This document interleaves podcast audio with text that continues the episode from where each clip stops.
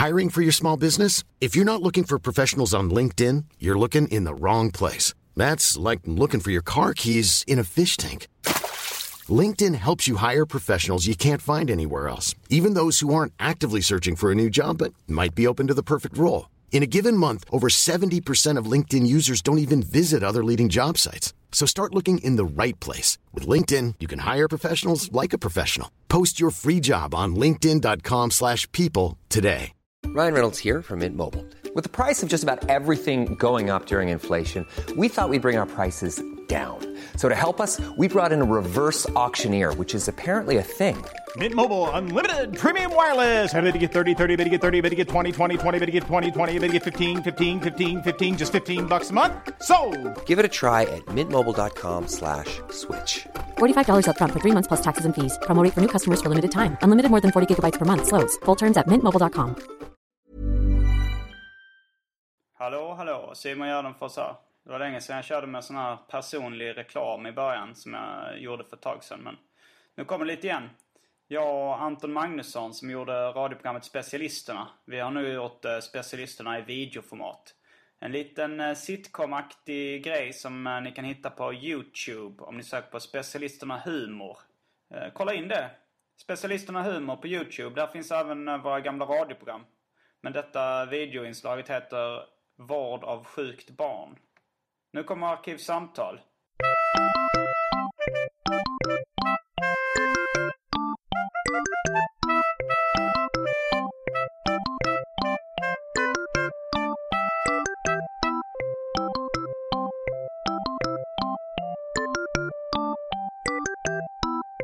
Har du något eh, trick du brukar säga till, till radiogäster vad de ska prata, vad de ska säga för att när man ska testa ljudet? Ja, den där gamla frukostklassikern. Ja. Är ju, ja, den har jag kört några gånger. Men i morgonpasset testar vi aldrig någonting. Så det, jag saknar lite den här Aha. frukost.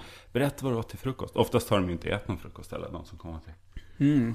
till morgonpasset. Sen, eh, sen eh, har jag hört, det var Jesper Röndahl berättade att, eh, att folk nästan blev hade tröttnat på den liksom. Folk som är vana vid med radio så Mm. Ja, man kan att det sig- en uttjatad De grej. intervjuar mycket forskare och sånt där. Ja. Man kan tänka sig att de, om de har då liksom, de är pressansvariga eller de på Mm. något sätt är talesmän till, till journalister på något sätt. Då har de ju hört det där 120 gånger liksom.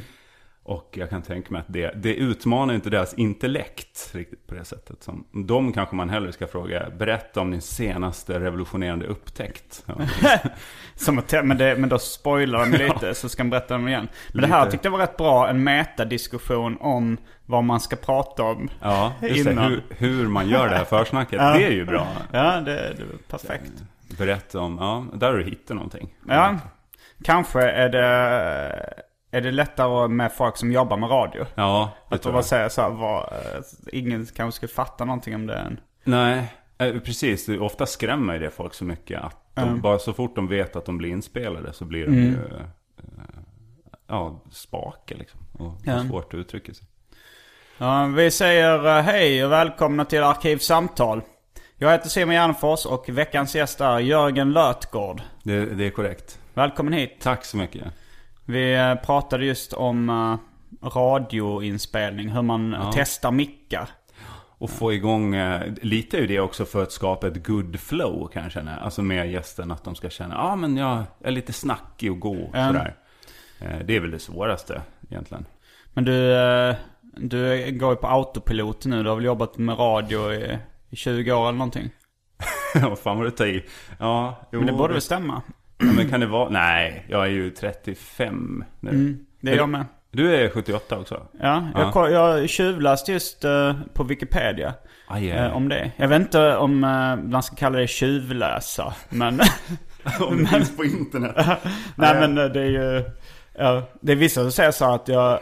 Att man tjuvläser lite på min blogg och sådär. Grejer just som jag lägger upp och länkar till för att jag, folk vill att de ska läsa. Ja. Men folk känner ändå att det är lite stalkeraktigt att läsa. Men är det inte nästan det idag? Att man säger, i alla fall, nu vill ju, du har ju ändå förevändningen att du vill vara en, en officiell person. Du, du släpper böcker och du förekommer Ja. i mediala sammanhang. Säger man officiell? Offentlig, det var inte. Jag tänkte om officiell är en liten variant Vad fan är det skillnad på? Är Officiell, är då tänker man, ja man, man är statligt anställd, så här polis eller militär. Så officiell. Jag satt just och beskyllde dig för att vilja vara snut. Nej, det, den uppfattningen har jag inte. Men jag menar, med, du släpper plattor, du gör musik, Mm. du, du liksom vill ju vara en, en offentlig person. Eh, då, då kanske det inte är så stalkeraktigt. Men om man till exempel har läst, det har ju hänt att jag liksom har fått eh, kommentarer eh, från, på sociala medier, så kanske man liksom, från någon privatperson. Mm. Och sen så klickar man in på den profil. Vem är det här då som skriver? Och så är det, har de en blogg. Mm. Och så ser man, ja de har kanske fem läsare eller någonting. Så, den Mm. närmaste familjen. Och så läser man lite. Då känns det som man tjuvläser lite. Ja, Att man liksom söker. men ändå om man lägger upp det på en blogg offentligt utan att inbjudan, då får man väl ändå skylla sig själv. Då kan man Jo, inte... nej man kan ju inte säga att nej, men det där ville jag ha hemligt. Den, den, det argumentet håller ju inte. Men, men det kan ju finnas en skillnad i det. Alltså just de här, förut fanns det ju mycket sån här familjen Petterssons blogg och sånt där. Mm. Att familjer la ut bilder på sina semestrar och sånt där. Det kändes som, som att man satt och tjuvkikade. För att de kanske inte förstod heller vad internet var. Nej. De la upp det för faster Agda liksom. Och då De kanske inte trodde någon brydde sig heller. nej. satt man där och pekade och skrattade. Frågan är vem skämtet var på. Så att säga. Ja, vems bekostnad? Men för att svara på din fråga så har jag inte hållit på med radio i 20 år. Men sen 99 ungefär professionellt. Ja, alltså jag blev, när, när jag kollade på din Wikipedia-sida så blev jag ändå lite förvånad att vi var lika gamla. Jaså? För- eller så jag var mycket äldre. Ja, du känns, dels så ger du ett lite mer vuxet intryck än vad jag själv känner att jag gör. Ja. Eh, och sen eh, så har jag hört det på radio sen jag kände mig ganska ung liksom. Ja. När, men du, det måste vara tidigare. Började inte du eh, när du var, alltså innan millennieskiftet? Jo. Ja men 99 var ju innan Mellanskiftet. Men jo, men alltså att- även 98. För jag kommer ihåg jag satt på eh, min praktikplats och lyssnade på, på Mhm. P3 och då...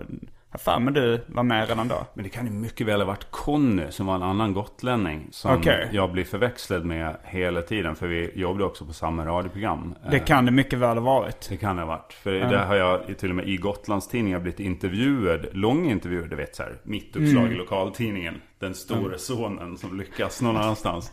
Och sen står det, efter rollen som Conny. Alltså de har inte ens bemödat sig att kolla upp hur, hur eller vad, alltså de har Okej. bara, Då- de vet att det är så. Nu gav du helt plötsligt ett yngre intryck när, jag, Mm. när den förväxlingen löstes upp. Mm. Men jag har alltid upplevt dig som äldre också. För att Mm. jag var ju, jag var aldrig serienörd. Men jag läste mycket serier och Mm. kom in på liksom när man förstod att det fanns svenska serietecknare. Mm. Så fanns ju du med ganska tidigt upplevde jag. Men jag blev publicerad första gången när jag var 16. Ja, Så det jag är höll på. jävligt tidigt. Ja. Eller är det vanligt inom serievärlden? Nah, sådär. Alltså jag tror Kellerman började så tidigt också. Ja. Han, eh, han blev publicerad så tidigt också. Men nu, nu tror jag det är lite ovanligare. Alltså så Ja. det, är, det är ganska många som går vägen via serieskolorna nu. Kanske efter gymnasiet eh, går en förberedande konstskola. Sen, eh, sen går serieskolorna och sen efter det börjar liksom försöka bli publicerade kanske. Så det är nog vanligare att vara i 20-årsåldern nu. Finns det kvar, alltså det är folkhögskolenivå då? Mm, det finns en i Malmö som, eh, där, där ganska många serietecknare som är aktiva idag har gått. Så här, Kolbeinn Karlsson, Kim W. Andersson, Lina Neidestam, Hanna Pettersson och så vidare. Just det. Jag vet när jag, när jag valde radio som Mm. yrke så att säga. Då bodde jag i Lund. Eh, Eh, och var så här, en fantastisk tid när jag upptäckte mina livskriser och hur, hur min kommande psy- psykiska status skulle se ut. Och så. Mm. Det kan vi kanske prata mer om senare. Eh, hoppas jag. Eh, ja, det får gärna. Det känns väldigt självgående som radiopratare. Jag kan att sitta och mala om mitt liv. Nej, det var ju Jag tar helt det här som fan. en värvet-situation. Ja. Nej, men jag, jag, det slog mig att jag... eh, Då handlar ju livet mycket om så här, fan, det gick inte, jag måste hitta en väg ut. Eh, Vadå, du tänkte redan då att radiogrejen gick inte? Eller? Nej, Livet utan gick mitt, inte? det jag hade tänkt när vi stack till, Mm. till Lund och startade ett kollektiv i en villa och ville spela med band. Okej, ja. Sket sig ganska snabbt och mina föräldrars sparkonto som jag hade tömt. Så Mm. man tänkte, det här är ju en livstids Det här är ju Ja. kostnader för en livstid tog slut på en månad om man insåg att... Du hade tillgång till dina föräldrars sparkonto. Nej, alltså de hade gjort det till mig då så att säga. Jaha, så okej. min, mina livsbesparingar så långt i livet, så här, postgymnasialt, tog plötsligt slut och man insåg att man var i händerna på samhället. Då var jag så här, ska jag välja radio som jag brinner för eller ska jag välja tecknande som jag också höll på ungefär lika mycket med liksom i huvudet. Um, Och då kollade man ju upp utbildningar och då fanns det i Bollnäs tror jag var den enda serietecknarutbildning var det inte jag... Hofors?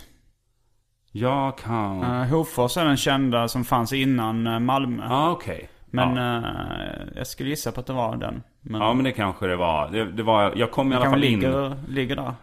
Ja, jag, ligger i precis. Nu avslöjar man sin dåliga koll Du på kom Sverige. in i, i Hofors.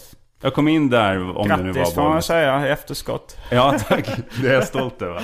Och i Kalix på radiolinjen. Så då, och Mm. då, han, då satt man med ett delikat val. Och plötsligt Ja. liksom välja vad, vad livet skulle innehålla. Och då blev det radio. Så att... Eh, Så jag känner att jag har varit på väg åt, åt liksom tecknarhållet Mm. som ju kanske...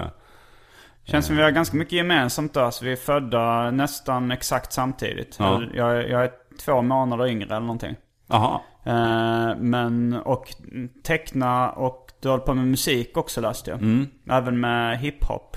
Nja, Det står stod det? på Wikipedia. Ja. Är det sant? Du var Eh, med i hiphopband som hette det och det. Nej, jag skulle aldrig kalla det för det. Jag, Nej, jag är väldigt eh, elektroniskt influerad. eh, Mm. Och, eh, och sen har vi eh, ja, syntband och rockband. Klassisk rockuppställning. Men jag rap, alltså nej. Det, Men, då, då står det tydligen fel. Jag trodde att allt på Wikipedia stämde. Vad kul att det är fel någon gång. För jag har verkligen lidit av att eh, man har läst den där sidan och tänkt att ah, det är synd att ingen bemödar sig och skriver något, något på skoj. Eh, Men det har, det har tydligen hänt då. Om det Eller bara någon som missuppfattade. Ja, någon, någon gammal som trodde att, att så modern musik är hiphop. Tyckte Eller att det lät för illa och kallade det för hiphop. Ja. Men ehm, ja, nu har vi kommit en bit in i programmet redan och vi får inte glömma bort det omåttligt populära inslaget Välj drycken. Nej, det ska bli... Jag har sett fram emot det.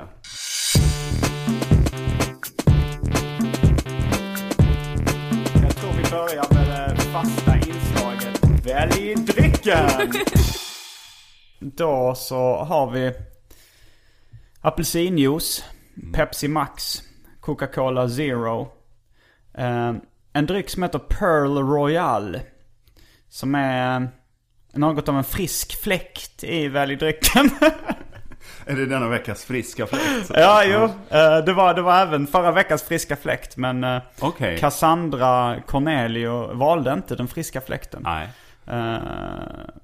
Utan hon valde något Vad, annat. in, vad innebär den här friska fläkten? Är Vad det innehåller? Ja.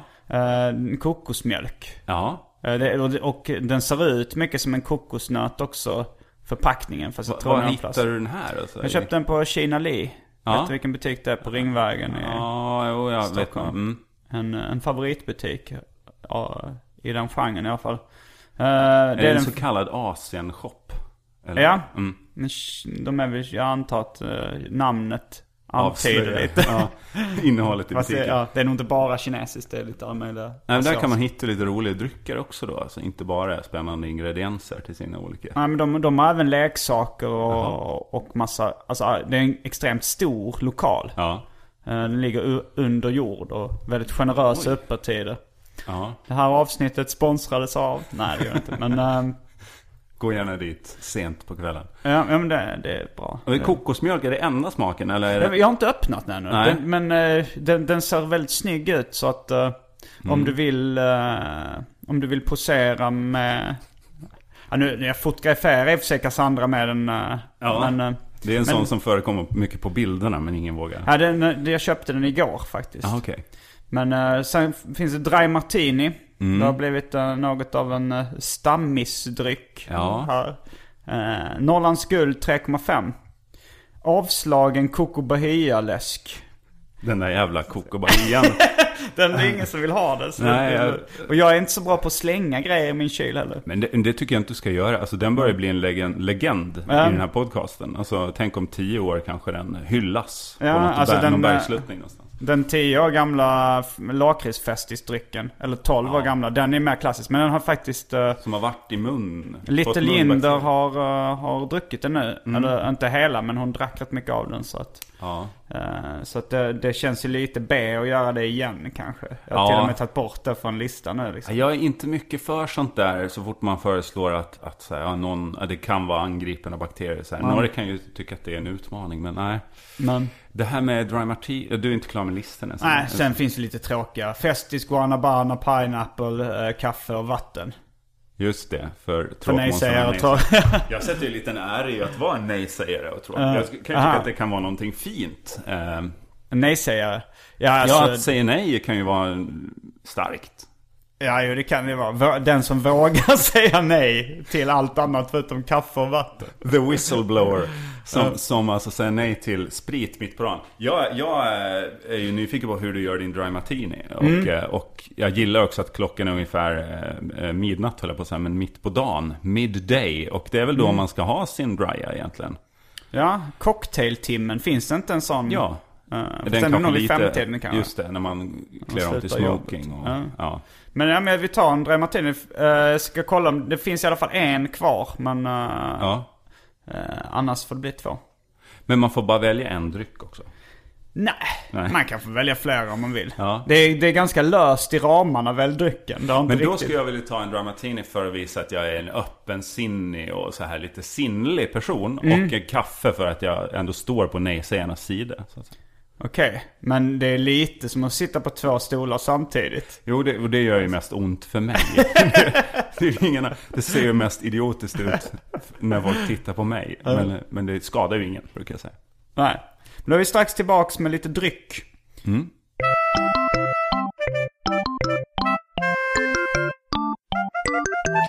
Man ska, ska vi, får man ta kaffe sen? Jag glömde att du skulle ha kaffe nu. Ja.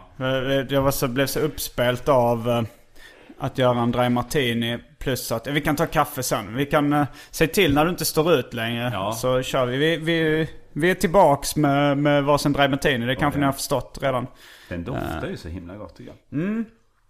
Verkligen. Den ser väldigt snygg ut också. Vi har lyxat till det med en tandpetare genom oliverna. som det- är, Du fick råte djupt under kolblasten för att hitta dina tandpetare som du bara tar fram vid de finaste tillfällena. Ja, ja jag, jag, jag brukar ta fram dem vid Dry Martini-tillfällen. Men sen så Ja. kom vi också in på så intressanta prat under Dry Martini-tillverkningen. Så då kände jag liksom, ska vi stå här och, och spilla dyrbar podcast-tid Ja. off mic? Visst. Det känns, du berättade om, eh, du har en egen podcast. Just det. Via Lascaris heter den. Eh, och finns på iTunes och ja, på munk.se. Produktionsbolaget Munkare som vi gör den i. I samarbete med mitt gamla radiogäng. Eh, som, som, Babbel podcast. Det är alltid knepigt när det ligger under kategorin humor. För man, det är inte så att man, Komik. Eller Ja, kom, precis. ja. Komedi, komedi ja. Just det. Det är ju inte så att Komedi. vi... Satir, det är inte någon svår satir.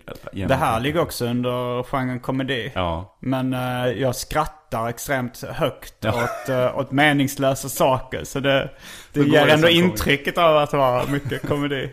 Men Det är det, det man känner när man slår på en sån dag eh, sitcom på tv. Så hör man de här burkade skratten. Ja, Ja. ah, det är någon komedi. apropå det så, apropå Munk och sitcom så idag eh, så, så har, ska vi släppa det här, eh, jag och Anton Magnusson eh, släpper specialisternas första videoklipp eh, på YouTube. Just det, ni har en egen kanal där.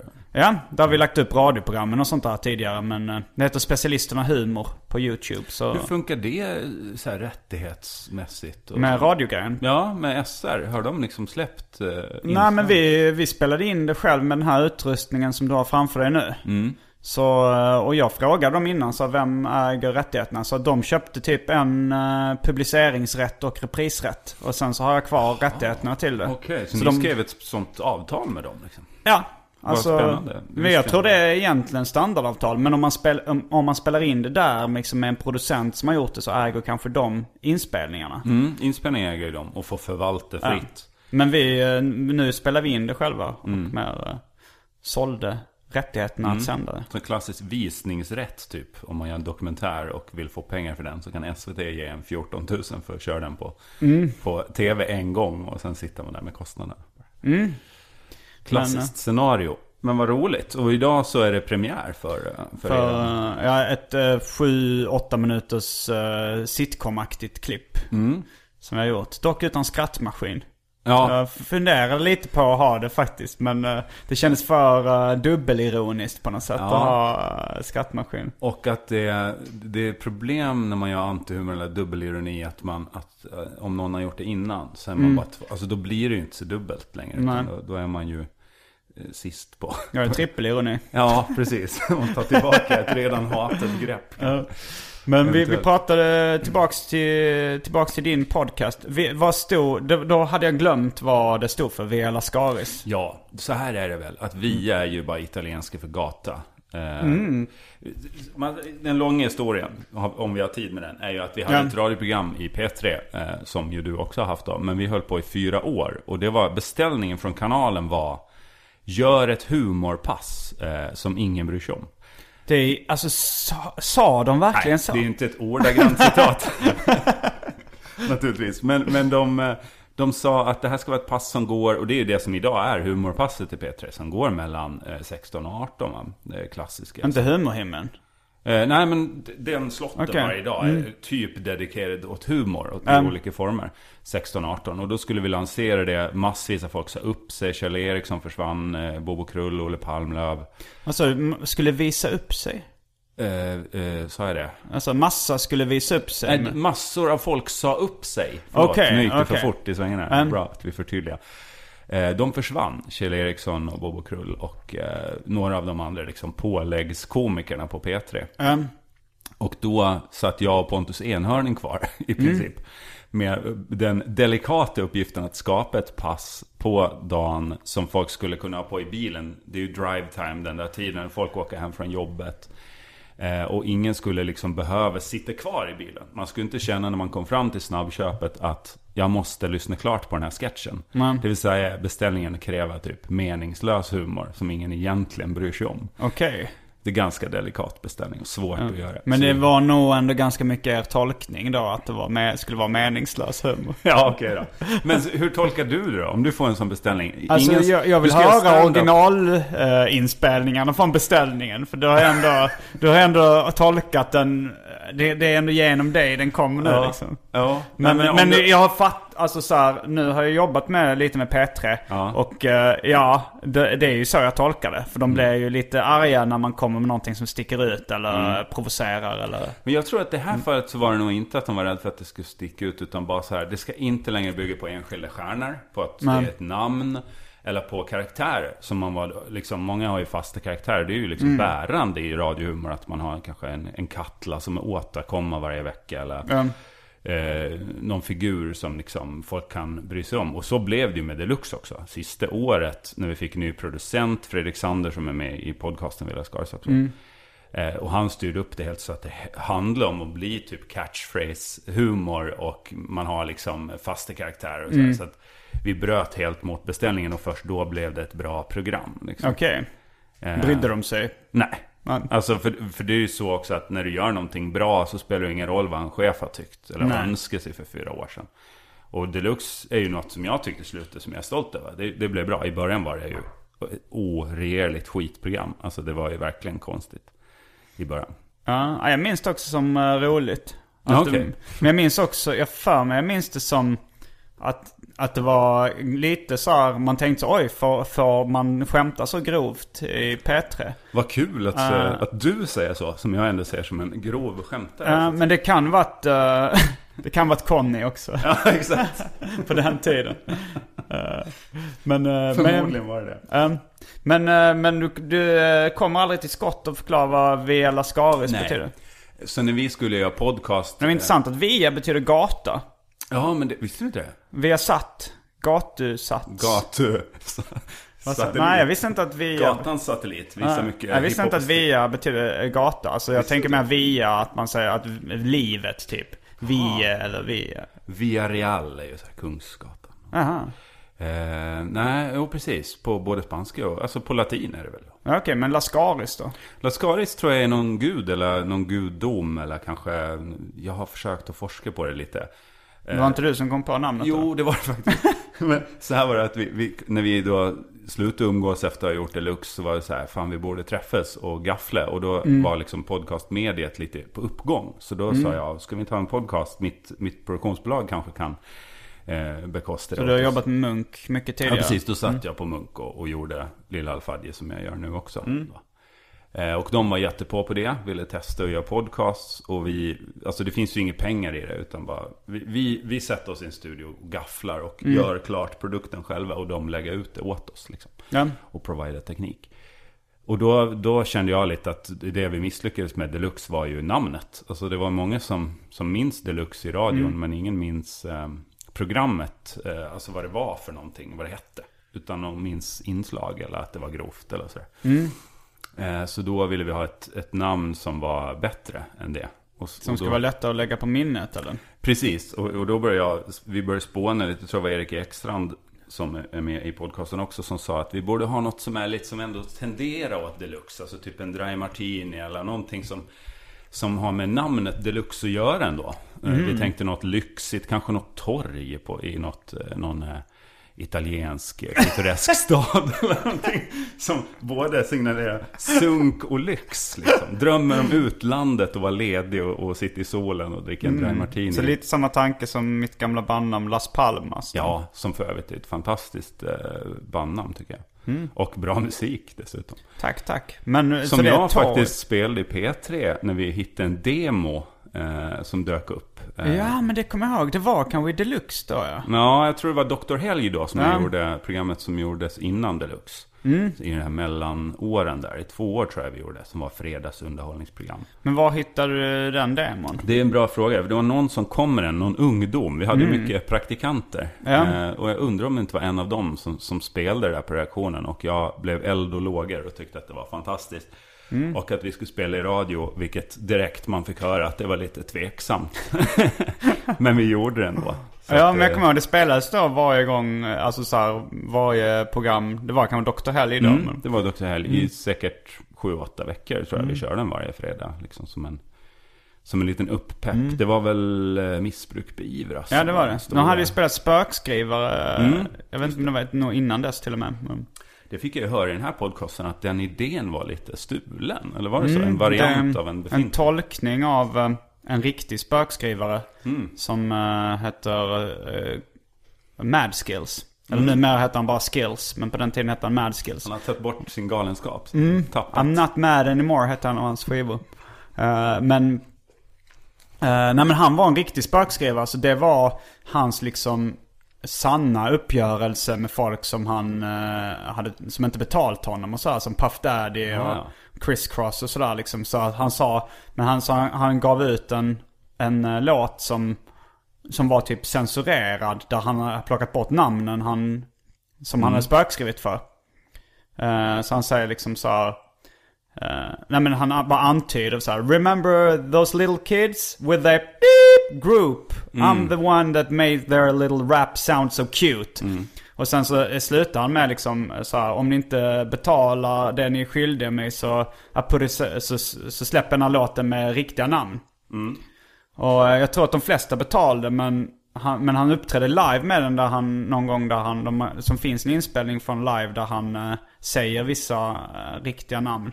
Okej. Där han säger Puff Daddy det bland var en annat. slags utpressningstrick. Så. Ja. Och där kände du att den vägen vill jag gå. Jo, men jag, jag kan ju avslöja nu att jag ljög ju då att jag hade spökskrivit för alla de här rapparna. Men det var ganska många som trodde att Jag det vet var att på det var allvar. en diskussion om, om det möjligtvis var så att, att du låg bakom en massa. Det är ju ett roligt sätt att, att göra en snackis av sig själv onekligen.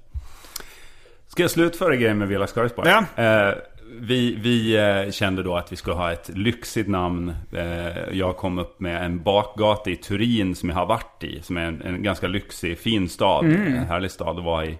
Eh, och så hittade jag en, en bakgata med grindar på båda, båda sidorna som hette Via Lascaris då. Som typ, jag vet, Solgudsgatan eller vad det kan heta. Men att den var avstängd eh, gjorde mig intresserad. Jag tyckte att det fanns någon symbolik i det. Att vårt lilla skyddade område med grindar på båda sidorna. Ah. Mycket symbolik, helt värdelöst namn ju. Ingen kommer ihåg Via Lascaris. Vet Det är lite svårt att lära sig först. Mm.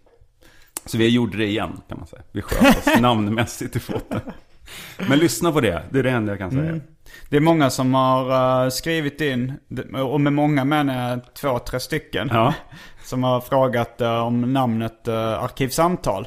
Och det förklarar jag i första avsnittet. Men. Jag många... vill minnas att det var, att det var ett, något, var det... ett kollektiv på Ja. 70-talet eh, som, som hette då Arkivsamtal. De sysslar med lite så här eh, aktioner. Ja. Alltså, de slog sönder eh, murar och sånt där som rika hade satt upp för... Ungefär som gated om man tänker att community. Via Lascaris då är en gated community. Ja. Så slog Arkivsamtal Just ner det. murarna och öppnade upp. Det, det är onekligen så, det, symboliken fortsätter ju på något Mm. Ja, jag sätt. tänkte också det. Det är en symbol att suga på där. Vi sitter på ett etablerat produktionsbolag. Du sitter i din motståndslägenhet här uppe och liksom... Vad kallar du den? Matstånd? Motstånds... Motstånd. Jag tänkte det var som en liten korvkiosklägenhet. Det lät rätt mysigt i och för Jag sig. bara subtilt riva ner ditt hem. och Kalla det för en matkiosk. Eh, nej men att du eh, bedriver en motståndsverksamhet lite grann mot eh, etablissemanget. Ja, ja. Jag, jag, det, är, det är kanske inte tanken från början. Men det är lite kul att de heter arkivsamtal och slår sönder saker. Ja. Samtal eller allt. man tänkte ju att de skulle lösa eh, grejer. Men jag tror att det var deras grundläggande tanke var att de skulle lösa problemen i samhället med samtal. Men det det. var bara, det var, det var en, eh, en bekant som bara berättade om det här eh, kollektivet. Och jag, jag började skratta spontant när jag hörde namnet Arkivsamtal. För det lät så torrt. Ja, fruktansvärt. Och också att, eh, jag menar man vill signalera att vi har minsann läst och vi har en annan lösning på problemet. Och sen går man ut och slår sönder. Ja. Jag, jag minns det, jag minns det bara när jag googlade arkivsamtal. Nu tror jag att jag har tagit över de flesta Google-träffarna om man, om man söker Ja, på arkivsamtal. Ja, det är så. Har du jättemycket lyssning? Eh, jag hoppas det. Jag, jag vet podcasten TS Knas. Mm. Eh, det är de som eh, hjälper mig att lägga upp det här grejen. Ja, de hostar dig. De hostar med. Mm. Och någon gång så i början så, så frågar någon gång så frågar så här, kan man kolla hur mycket lyssningar man har? Så, Mm. Nej. så vet inte ni hur många lyssnare ni har? Nej, vi har ingen aning. Ja, jag vet att de pratar om det där. Eh, Vi vet ju exakt hur många lyssnare vi har. Ja. eh, På, ner till enskild person. Eh, Jag tror till och med vi kan spåra upp. Okej. Och, det skulle inte ta så lång tid att spåra upp alla lyssnare. Men- Nej, jag skojar. Men eh, vi, vi, det är ju inte alls svårt. Om, om du har en egen server så då går ju bara att räkna ut hur mycket bytes som laddas ner. Jaha, jag sa Och så delar det på antalet. Jo, det kan man ju säkert göra. Men lite, lite tycker jag det är skönt att inte hänga upp mitt välmående på de siffrorna liksom.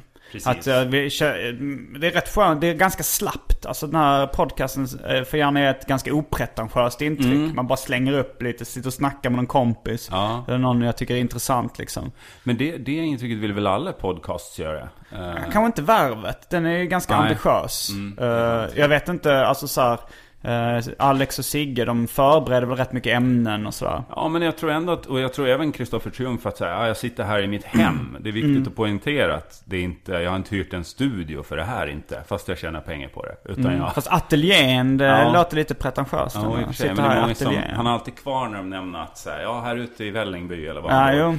Ja, för sig. De vill gärna liksom ha kvar den här Hemma hemma, hos- och låta sonen springa in i påraver och sånt där. Ja, det är säkert bara han lägger godisbitar i en Hans och Ja, Greta-rad. jag, vet inte, om- jag har hört att han jobbar med el. Men jag har ingen, ingen Det var kanske det som jag tänkte var eh, eh, ett chockerande inslag i Deluxe. När, när så de, de gav elchockar till barn. Var det... Då var det Önska du blandade ihop det med. Ja, det var det som, kanske. Som var Enhörnings tidiga program. Ja, Eh, så det var inte du? Nej, El och, eh, Och. Önska, då var det Conny. Okej. Men, eh, men du har tagit har till, men du och skämtar också av. om el och barn. Ja, exakt. Och du har gått i den skolan. Liksom, så att, nej, men det är väl kul med el och barn, är det inte? Jo, det är kul. Det är Eh, lite som jag- knark och, och, och barn. Alltså, Mm. det är nästan vad som helst och barn. Destruktivt och barn. Är ju, Jo det är det ju. Alltså jag, jag har skämtat så mycket om eh, pedofili och, och eh, incest och så, här, så att jag nästan börjar, börjar tröttna på mig själv. Du mätts på pedofili. Ja, så här, alltså det, det är nog eh, en humorromans som aldrig kommer rosta helt. Ja, just det. Men jag har ändå börjat känna så här, shit, alltså när jag skriver ner en skämt så är det så här, åh nej. Alltså det är så här, periodvis är det hälften av skämten som är pedovitsar Ja, ja. liksom. Och då, då känner jag att det lite har fastnat i ett mönster kanske som, ja men så här, Sven Melanders alkishumorfas. I och för sig väldigt roligt att bara skämta om fylla och alkisar så här, men... Och att folk är utslagna i samhället. Sen kom, det var efter det folk började säga man ska inte sparka neråt. Och så. Då fick Ja. Melander skärpt sig. Det, det är ganska, jag tycker det är lite trist och präktig inställning där att man inte ska sparka ner. Det Man kan- går ju inte att göra humor utan att någon gång sparka. Alltså gör man humor så har man ju en position. Så Mm. att man kan ju inte... det- Det är ju ett omöjligt uppdrag. Men det är ju lite, det är väl bara en sån här gammal floskel, är det inte det? Att man, inte ska sparka neråt när man Ja, att man, det här med att man får skämta om allt bara man gör det rätt. Alltså det, humor är ju så fullt av floskler och, och konstiga regler som ingen tänker på som utövar humor. Men som, Ja. som kommer upp i podcastsammanhang och sånt där. Eh, det var någon som, det var någonstans jag hörde att, det någon som hade en teori om att all humor har något offer. Alltså så här, Ja, att, att det skulle vara liksom centralt för ett Ja, ja, alla skämt har, har, eh, har någon liksom, någon person eller grupp eller åsikt som liksom den sparkar ner eller trycker Oftast ner. är det väl komikern som... Ja, att det är väl att man själv är offret, Ja. offret liksom. Det är nog det vanligaste. Men, sam, men samtidigt så är det kanske, ifall du rackar ner på dig själv som tjockis så är det ju ändå feta människor som är Mm. offret i allmänhet. Det är inte bara liksom... Man ställer sig mitt i gruppen och Mm. trycker av bomben så att säga. Jo. jo men det är väl rätt vanligt så här. Chris Rock kör ju rätt mycket eh, rasism mot svarta i sin standup. Det jag tänkt på just eh, Mm. rasistisk humor är okej då bland de som är utsatta för det. Vilket Mm. kanske snarare då stärker rasism. Jag, jag, vet inte, jag har inte sett några siffror på om det är så. Men, Ja, det är Men, svårt att eh, veta. Nej men det är ju så. Då, det, jag tycker egentligen det är okej att uh, skämta rasistiskt vilken position man än är i. Ja. Eh, alltså, jag, jag, är- jag röstar inte på något rasistiskt parti. men, men jag tycker det är extremt kul att skämta eh, med rasism som eh, utgångspunkt. ja, det är det ju. Eh. Särskilt om man har en torr attityd till det. Då blir det, och även rasbiologi och sådär. Men jag har märkt att folk skrattar inte så mycket ifall inte den personen som en deltagare av rasen drar skämten. Nej, just det. Alltså så här, för det är väl det man säger, vad som är okej att skämta om är egentligen vad folk i allmänhet skrattar åt kanske. Ja, men om man ska vara högtravande då, kan man Mm. säga så här att humor handlar mycket om att ta en risk. Mm. Som jag säger det. Alltså man är ju alltid, om man sitter på en middag och drar ett skämt, så finns det ju en risk att någon blir upprörd och så. här. Man tar alltid en risk. Men vinsten är ju att bli den sköna personen som folk gillar och minns efter den här middagen och så. Det är ju när man knuffar över risken i knät på publiken och säger skrattar ni åt det här nu då? då det är då det blir ganska dålig humor. Till exempel ett rasskämt, en kaukasisk man som står och drar eh, negervitsar på, på, eh, på liksom Norra Brunn. Eh, Det kan vara jättekul skulle jag tycka. Om Tänk var- dig, tänk dig, föreställ dig framför dig. Det, alltså så jag hade tyckt det var kul. Ja. Jag vet inte om folk i allmänhet hade förmodligen inte skrattat åt det. De hade tyckt det var smaklöst. Ja, jag Men jag tycker ofta det smaklösa kan vara det roligaste som finns. Det kan det verkligen. Men Alltså, har, du, har du liksom gjort det lite till din eh, grej? Att det smaklösa eller det, det vågade liksom? Jag vet inte, alltså så, när jag gör skämtteckningar så är det en helt annan grej. För då, jag har gjort en bok som heter Nybuskis som är väldigt mycket ras och, och pedofiliskämt och sådär. Ja. Men då, när jag tecknar det eller spelar in ett radioprogram, då, eh, då, då skämtar jag hur grovt jag vill. Bara, bara kör liksom det jag själv tycker är roligast. Ja. Eh, Det kanske inte är så här att jag vill säga så här, nu ska jag göra det för att chocka. Utan det är bara, jag gör det här för att jag tycker det är det roligaste skämtet jag kan komma på. Ja. Eh, Men sen har jag märkt när jag kör stand-up, då har jag inte riktigt de, eh, den uh, ryggraden som krävs. Nej. För att, eller jag, jag ser inte riktigt poängen för jag har testat att göra det, stå och dra ny, nybuskisaktig humor. Eh, och det är väldigt få som skrattar. Det är ett rum på 50 pers, eller ofta en eller två som skrattar. Och det, och det är liksom... Det är ju kan- andra komiker. säkert. Vad sa du? Är det andra komiker? Nej, det är Nej. ofta någon i publiken som tycker det är kul att någon går över gränsen liksom. Men... En eh, rasist helt enkelt. ja. Står, eller en pedofil som bara står och väntar på Det är roligt. Det är sant ju! Ja. Ja. Nej men jag menar om jag gör en skämtteckning som jag släpper i en bok eller en tidning eller någonting. Mm. Och 50 pers läser den och en gapskrattar. Så tycker jag så här, visst det, det funkar liksom. Men ifall, eh, men jag, jag klarar inte riktigt av att höra det i ett rum. Då, Nej. då kör jag nog lite mer skämt som jag tycker är roliga men som många uppskattar. Ja, och det är väl liksom DNAn i DNA. Det, ja, Mm. inte ändelsen på det. Eh, i, stand-up. Att Mm. man måste, man kan inte bara knuffa över risken i publikens knä. Utan man måste tillsammans ta den här risken liksom i rummet. Ja, man måste ju få folk att skratta framförallt. Ja, Eller så man måste vara mer än en och skratta. Det var en omständig omskrivning för det. Men just, just att, sådär, att, att, vi, att man tillsammans har kul ju. Mm. Eh, du har precis, eller ganska nyligen börjat med stand-up eller? Ja, jag har nog kört eh, snart ett halvår. Ja, just det. Jag la ju av. Men eh, det stod på Wikipedia att du börjat igen. 2008 så har du börjat igen. Så. Ännu mer missuppfattningar på, från Wikipedia presenterat. Mm. Men då kanske vi ska backa bandet till eh, hur du började Ja. med stand-up. Det är där vi kan börja. Eller du kanske vill börja tidigare än så. Om vi... Nej men om vi bara, vi kan ju bara, jag gillar att ta olika ämnen. Ja. Vi kan, om vi pratar stand-up då, så, så började jag, jag var på radion. Och Mm. eh, stand-up var ju lite i den här, eh, det var svårt för svensk stand-up. Det fanns Mm. typ Johan Glans, David Batra. ehm, Vilket år snackar vi nu? ja men om vi pratar då 99 när jag började bli Mm. verksam ordentligt i Stockholm. Liksom. Um, Så blev jag jävligt nyfiken på stand-up och jag hängde ju på på klubbar och så här. För det var ju folk från radion som var stand-upare liksom. Så att man... Och jobbade ihop med David Batra och så här. Så man var liksom och såg på stand-up och man eh, såg att... Eller tyckte att det var en fascinerande form. Liksom. Eh, Men det var så töntigt. Alltså det var ju inget poppis då. Nej. Sen lossnade ju det här. Och, och jag testade stand-up då. Det här var långt senare, någonstans 2004 kanske. Som jag testade på eh, någon så här P3s humorfestival i Umeå. Och det gick jättebra. Mot alla odds kan man säga. För jag hade ju, jag hade ju inget material. Jag hade lite om mig själv, det här klassiska. Liksom. Ja, men jag ska prata om mig själv och försöka hitta en rolig vinkel. improviserade du då eller? Nej, det var extremt skrivet. Okej, och jag ja. hade ju fördelen att då kunna fråga komiker, hur gör man? Liksom? Mm. För att i början är det ju mycket bara att förstå hur man själv ska förhålla sig till ett material eller till den här scenpersonen. Ja. Och, eh, och sen tyckte jag, ja, men det gick ju bra. Det här, nu kan jag det här. Mm. Ungefär. Och, och så, då fanns det inte den här liksom gratisklubbkulturen. Att man liksom hängde på klubbar och kunde göra det till en livsstil. Fanns folk inte på- Big Ben då? och det fanns, men det var liksom mer att etablerade komiker eller folk på väg upp kom dit och drog nytt material. Så att man kunde gå dit och se gratis, eh, ofärdigt material gratis liksom. Sen har ju den här kulturen kommit att det blir mer som en eh, workshop-situation nästan. Att man hänger med andra komiker. Och, och då började jag med det igen för några år sedan. För att jag var mer nog nyfiken på den livsstilen än att själva konstformen stand-up.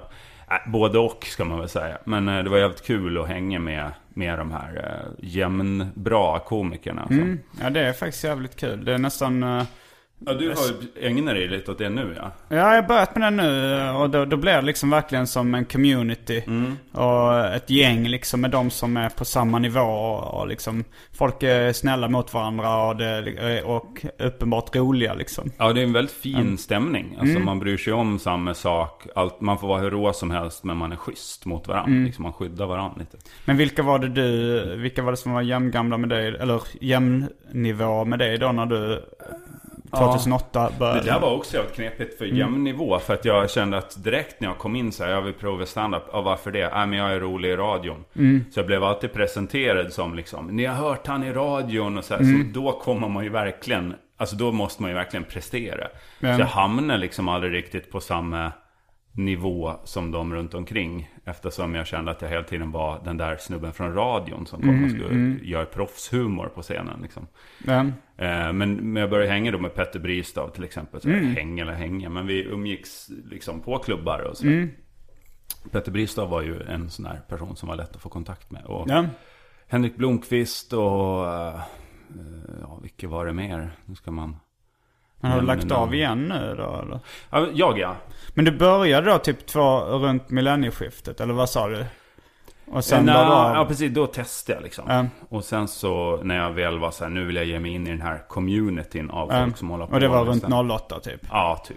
Där. Och sen har du... Sen höll jag väl på med det i två år, och, Mm. eller ett och ett halvt kanske. Och gig inte sådär jätteofta. Jag liksom har en dotter också. Så att kombinera den här eh, När fick du barn? 2006. Okej.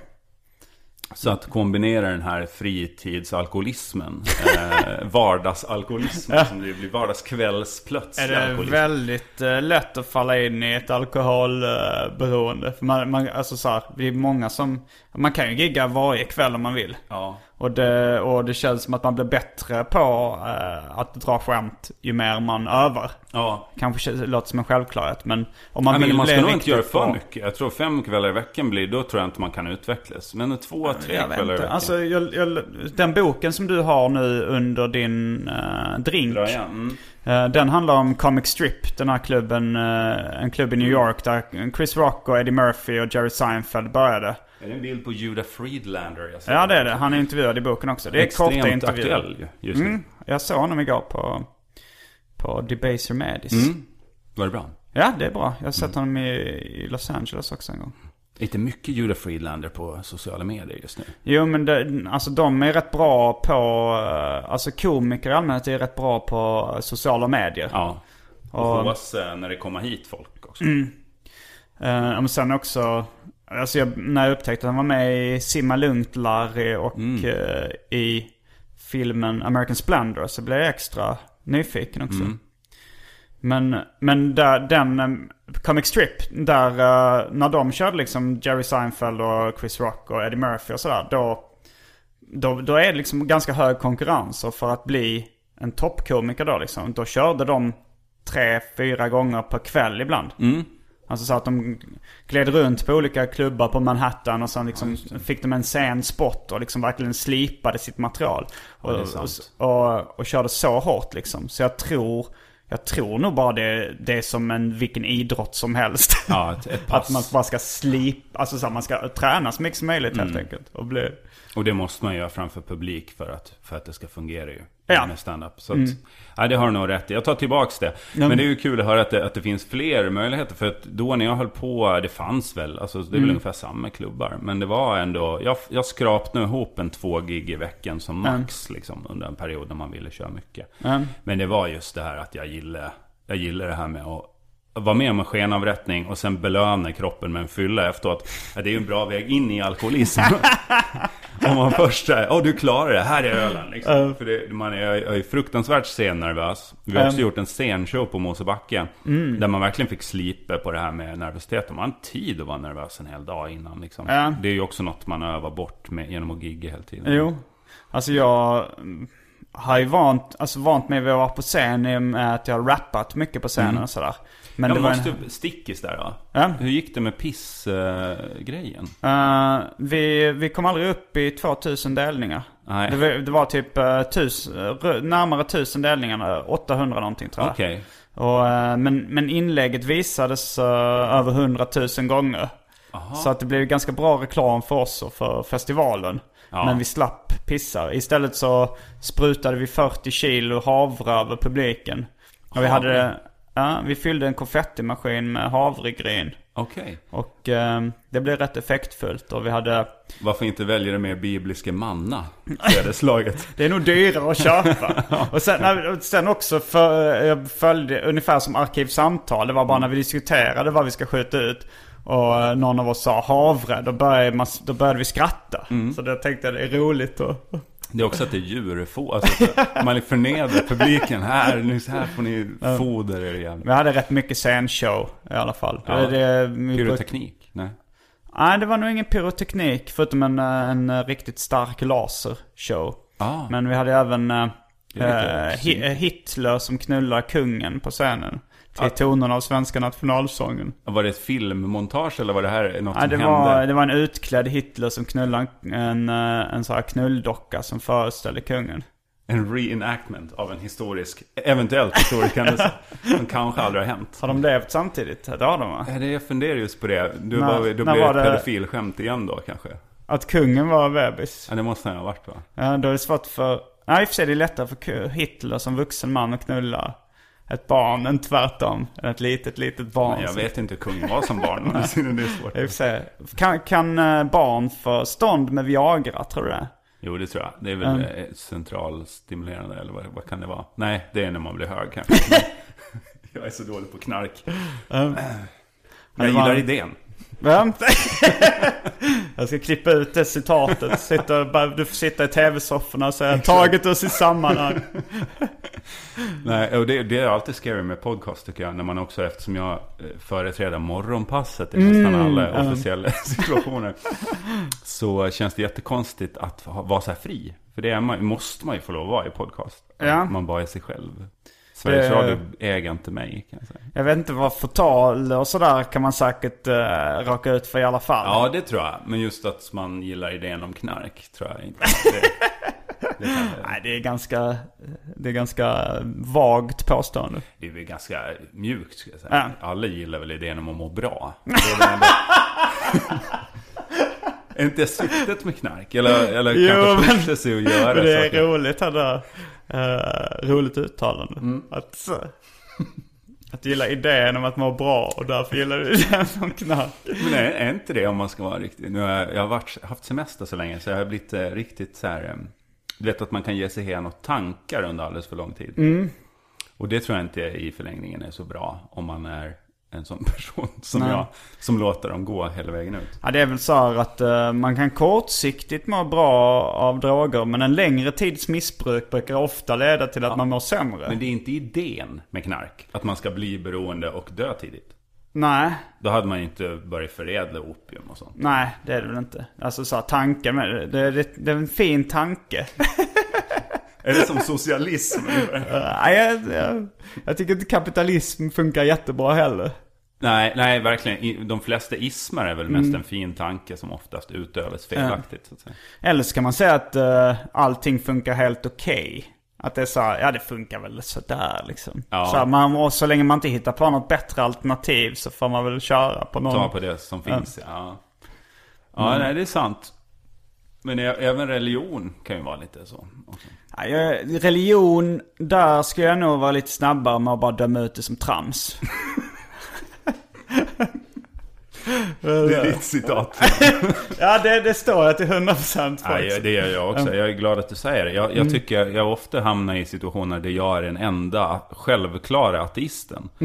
Eh, vilket jag alltid tycker blir pinsamt. För det är som att man plötsligt pratar med barn om My Little Pony eller någonting. Alltså jag tycker att det är intellektuellt taskigt att behöva prata om, om Gud och att vi är i vårt samhälle... eh, alltså så här, jag, jag vet inte vad det är för bekantskapskrets du har då. Nej, nej, nej, det är mer man totes ihop med folk i olika yrkesmässiga sammanhang. Men till exempel, jag sa till min flickvän igår, fan det hade man ju aldrig trott när man själv var barn att vi skulle hamna här idag. Att religion skulle vara en viktig grej. Jag växte upp på landet, det var liksom man var en del av en församling, det var en kyrkby, man gick i kyrkans barntimmar, jag är döpt och konfirmerad och det enda kyrkan var var ju ett rum där byn samlades på något sätt. Det var ju inte så här, men det var ju ändå väldigt, alltså religiositeten var ju helt närvarande liksom. Man trodde ju aldrig då, sen när man kom ut i ett sekulariserat samhälle, kyrkan skildes från staten och att vi skulle hamna eh, i en värld där, där podcastämnen, det finns ju otaliga liksom, skeptikerpoddar och, och sånt. Där man hela tiden är tvungen att, att argumentera mot, eh, mot religiösa fundamentalister, vare sig Gud finns eller inte. Det hade jag aldrig kunnat fantisera om när jag var barn, att vi skulle hamna där idag. Men, men eh, man måste ju nästan, alltså jag, jag har en kompis, eh, vi kan kalla honom Pike. Som, han följer så här en amerikansk ateistpodd. Och är liksom, Vilken då? jag vet inte, den kanske heter något sånt eh, The Skeptics Guide to the Universe eller någonting. Okej. Att det kanske, Skeptikerpodden kanske är inspirerad av den, vad vet jag. Men, eh, men, men han är liksom en sån här, han är så mycket ateist så att han verkligen predikar och missionerar nästan som ateist. Att det så här, Det kan man ju inte. Nej, men, alltså, men, nej, men så fort ämnet kommer på tal Ja. om religion så, Så blir han uppjagad och ilsken och liksom så och, och jagar upp sig själv över liksom. Det tror jag, då tror jag man gör en otjänst. Ateismen. Ja, eller för det är ju ingen rörelse. Men alltså jag tror Nej. att folk blir tror att det är en rörelse om man blir uppjagad och vill ta diskussion hela tiden. Jo, men då tänker jag Sluta med det, lite... Pike. Då tänker jag lite att det är liksom, då, folk söker ju ändå aktivt upp de här skeptikerpodden och sånt där. Jag, Mm. för, för mig tycker inte jag religion spelar så stor roll i mitt vardagliga liv. Jag känner inte någon, alltså, eller om folk är religiösa så är det nog mycket mindre risk att jag blir kompis med dem liksom. Mm. För att det känns jobbigt att, att ha så här att det är som att umgås med någon som tror på tomten liksom. Eh, för mig. Så det Nej Mm. men skulle- precis, Mm. det var lite det jag var inne på. Så om man plötsligt alla samtal leder till ifall om My Little Pony är på riktigt eller inte. Då kanske man bara slutar umgås. Och det, det, det, så är det ju. Men, men det, samtidigt är det inte ganska många som ändå tror på det här svenska uttrycket någonting. Jo, tyvärr är det ju så. Och att man ändå kommer dit i diskussion. Får man prata lite om, så här, om livet eller om... Alltså inte det är många, ja. Men, eh, men då blev det nog rätt lä- lätt att jag alltså så här, har märkt trams. att det här förhållandet funkar inte när någon, Nej. när någon säger att de tror på någonting. Nej. Eller så här, att tro på någonting är extremt vagt och det är förmodligen därför folk säger det. Ja. Men om det här någonting har någonting med Gud att göra, Ja. då dömer jag ut det som trams. Just det.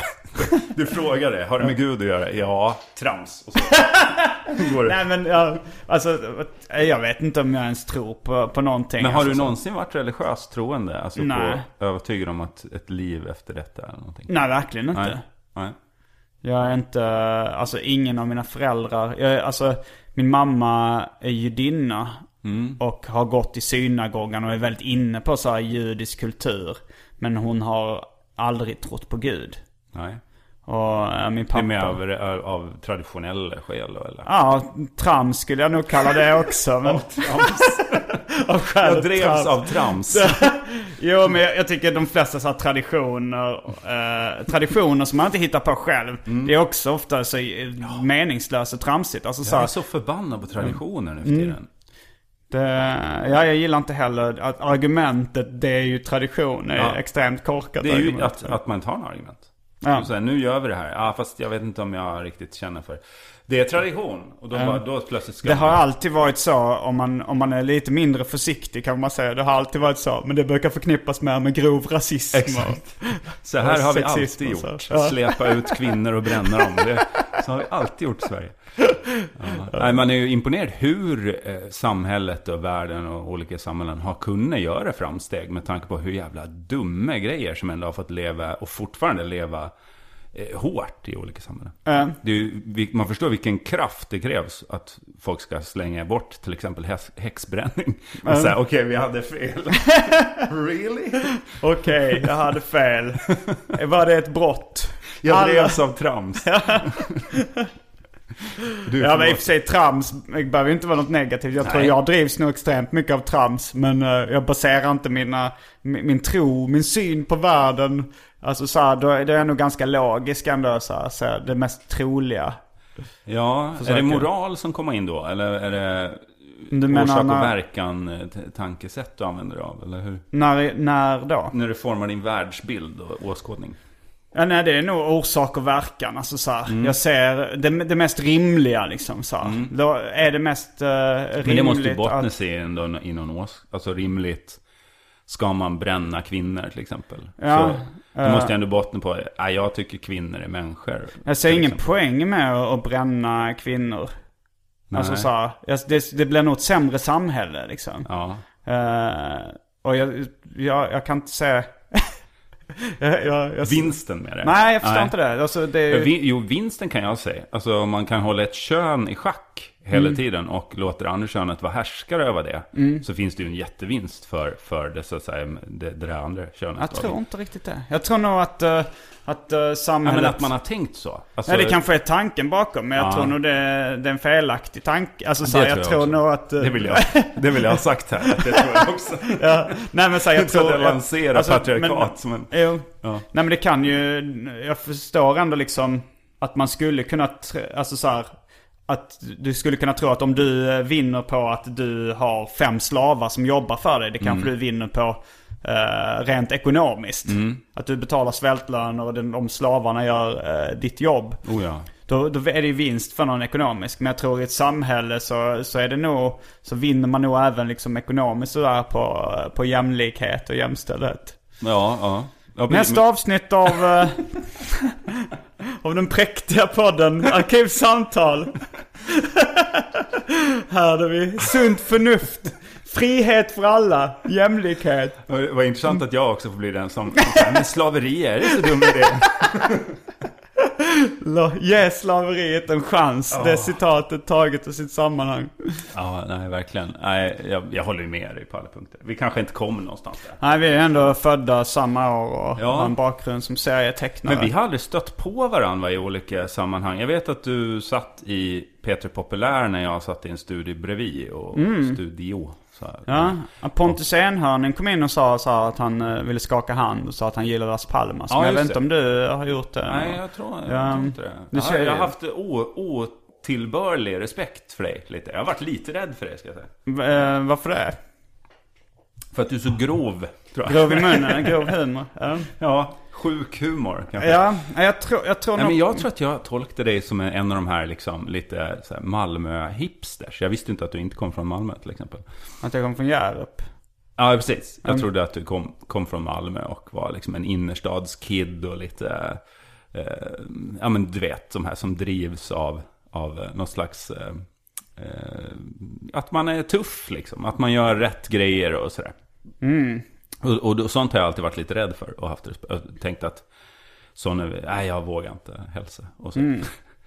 Ja, men jag tror att Arkivsamtal har ändå gett en mer mångfacetterad bild av mig. Det tror jag också. Alltså så här, då förstår nog folk kanske lite mer, man, om man inte bara ser de grova skämten. Det är frågan om det är bra eller dåligt. Det kan ju vara lite kul också att tro att man är, att folk i allmänhet tror att man är dum i huvudet. Det är lite roligt. Ja, det är ju det. Men jag tänker att det är jävligt kostsamt också att ha en sån här Andy Kaufman-persona. Liksom. Ja. Att man lever sitt liv som en udda person för att det är kul. Mm. Det är dyrt alltså. Ja, det är det nog. Har du sett det här eh, YouTube-klippet Sveriges hetaste komiker startar bråk? Nej. Det är en, eh, det, var, det är en kille som heter Alex Hassim. Jag har bara sett det har spridits rätt mycket nu de senaste veckorna. Okej. Det är ett nytt klipp alltså. Jag tror det är ett nytt Det klipp. var länge sedan jag hade en sån här YouTube-natt. Ja, men han i alla fall, eh, det var någon som sa att han hade listat då eh, Kaufman som sin favoritkomiker. Och han har ett sånt uh, klipp där han, där eh, han förolämpar publiken så mycket och liksom häller öl i huvudet och kallar någons flickvän för hora och sådär. Så att han får stryk till slut. Det är förmodligen uppgjort. Det måste vara riktigt. ja.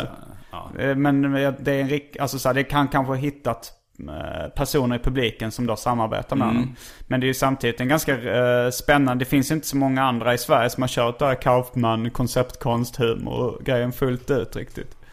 Nej, men jag tror att, att de just... Jag tror att många har försökt. Eller haft Mm. en idé om att de ska göra det. Och sen efter ett gig känt att fan jag orkar inte. Men Man- jag tror att, att det, det måste vara jättejobbigt att Jo, liksom leva. Han blir extremt hatad också. Alla tycker så här, eh, all- alla YouTube-kommentarer handlar om att folk bara stör sig på honom liksom. Ja, och det måste gå den vägen. Från, Mm. från hat liksom, till uppskattning. Och som oftast kommer efter din död ändå. Så att, Ja, Kaufman var väl inte så, eller i och för sig han var ju på de största tv-kanalerna. Ja. Eller så, alltså, Så jag tror att folk tyckte att det var spännande att han var så ångestriden. Jag tror att man måste verkligen må dåligt för att välja den vägen. Liksom.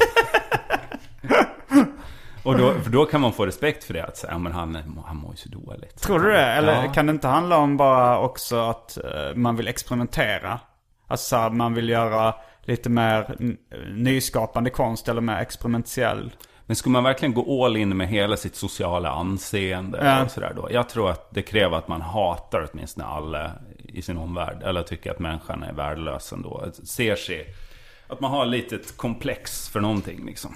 Kanske, jag vet inte. Eller att man liksom värderar. Alltså jag kan lite dra med, med Simons 120 dagar. Det var lite sånt konceptkonstverk där, där jag ändå kände att, att jag eh, tog ganska mycket risker.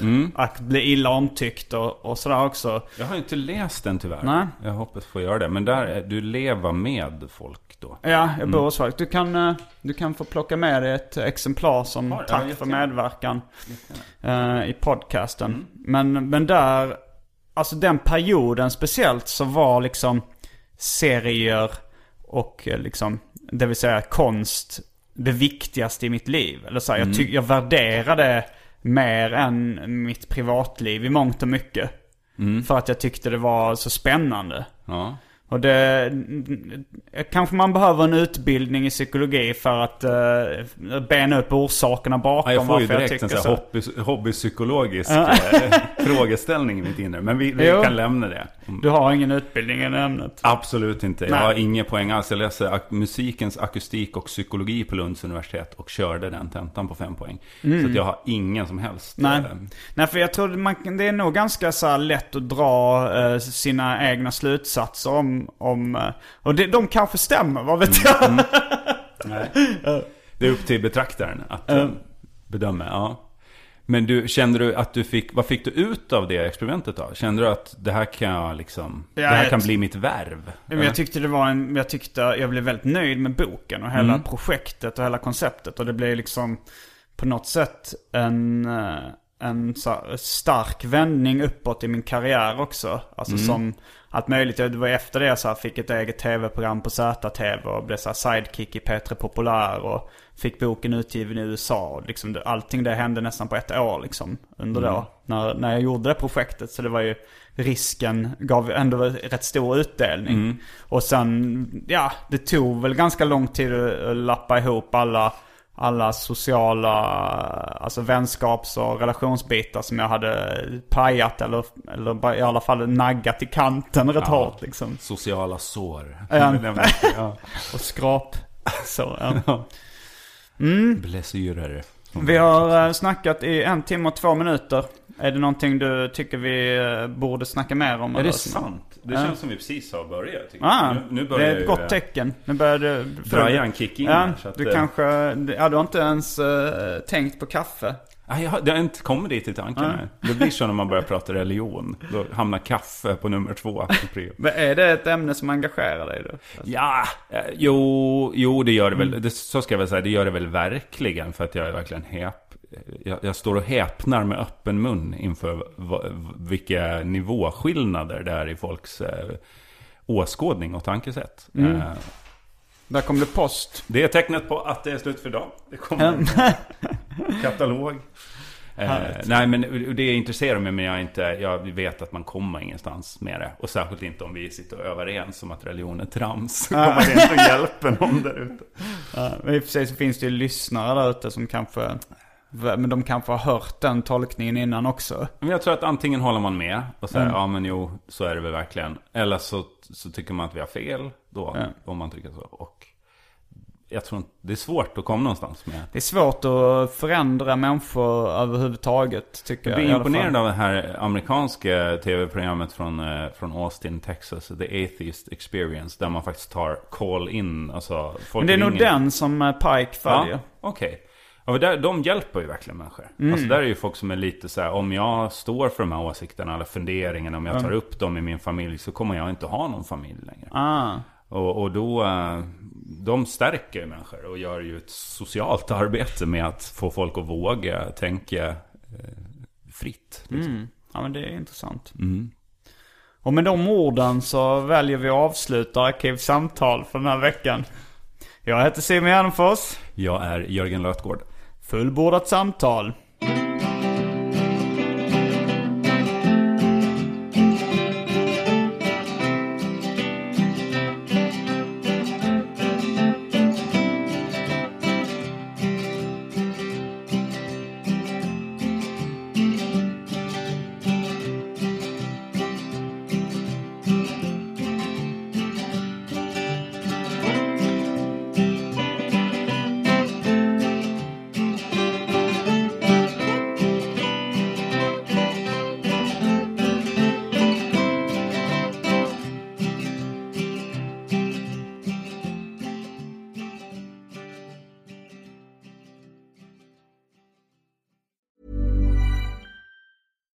Daniel, founder of Pretty Litter. Did you know cats tend to hide symptoms of sickness and pain? I learned this the hard way after losing my cat, Gingy. So I created Pretty Litter, a health monitoring litter that helps detect early signs of illness by changing colors, saving you money and potentially your cat's life. Pretty Litter is veterinarian developed, and it's the easiest way to keep tabs on your fur baby's health right at home. Go to prettylitter.com and use code ACAST for 20% off your first order and a free cat toy. Terms and conditions apply. See site for details. Planning for your next trip?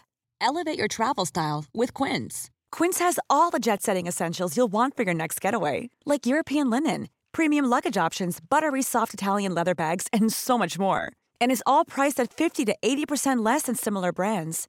Plus, Quince only works with factories that use safe and ethical manufacturing practices. Pack your bags with high-quality essentials you'll be wearing for vacations to come with Quince. Go to quince.com/pack for free shipping and 365-day returns.